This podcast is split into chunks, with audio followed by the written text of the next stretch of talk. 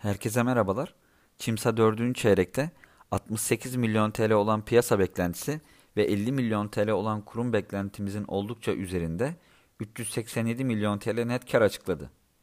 165 milyon TL'lik kur farkı ve faiz gelirlerine ek olarak %32.9 oranda iştiraki olduğu Egza'dan gelen 105 milyon TL'lik kar tutarı ve 191 milyon TL'lik vergi geliri beklentilerden pozitif yönde sapmanın ana nedenleri oldu.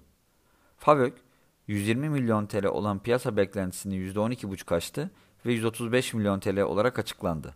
Ancak FAVÖK marjı %11,5 olan beklentilere paralel şekilde gerçekleşti. Brüt yurt içi satışlar yıllık %58, çeyreksel bazda %17 yükselip 558 milyon TL olarak açıklanırken toplam içerisinde %42'lik bir pay elde etti. Hatırlatmak gerekirse 3. çeyrekte yurt içi satışların toplama oranı %49 mertebesindeydi.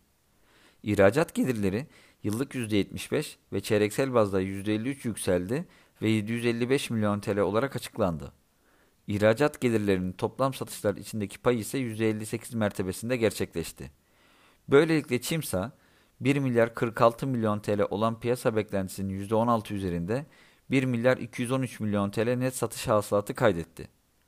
Artan işletme sermayesi nedeniyle şirketin net borç pozisyonu 805 milyon TL'den 1.1 milyar TL seviyesine yükseldi ve net borç bölü FAVÖK rasyosu 1.7x oldu.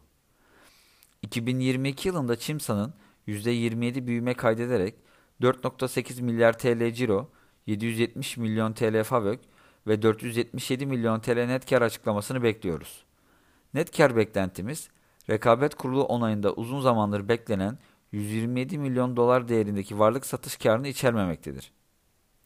2022 tahminlerimize göre Çimsa 7.8 firma değeri bölü FAVÖK ve 9.7 fiyat kazan çarpanları ile işlem görmektedir.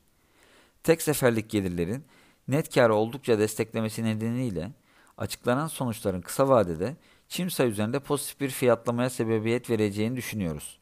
Çimsa için 12 aylık 40 liralık hedef hisse fiyatımızı ve endekse paralel getiri önerimizi koruyoruz.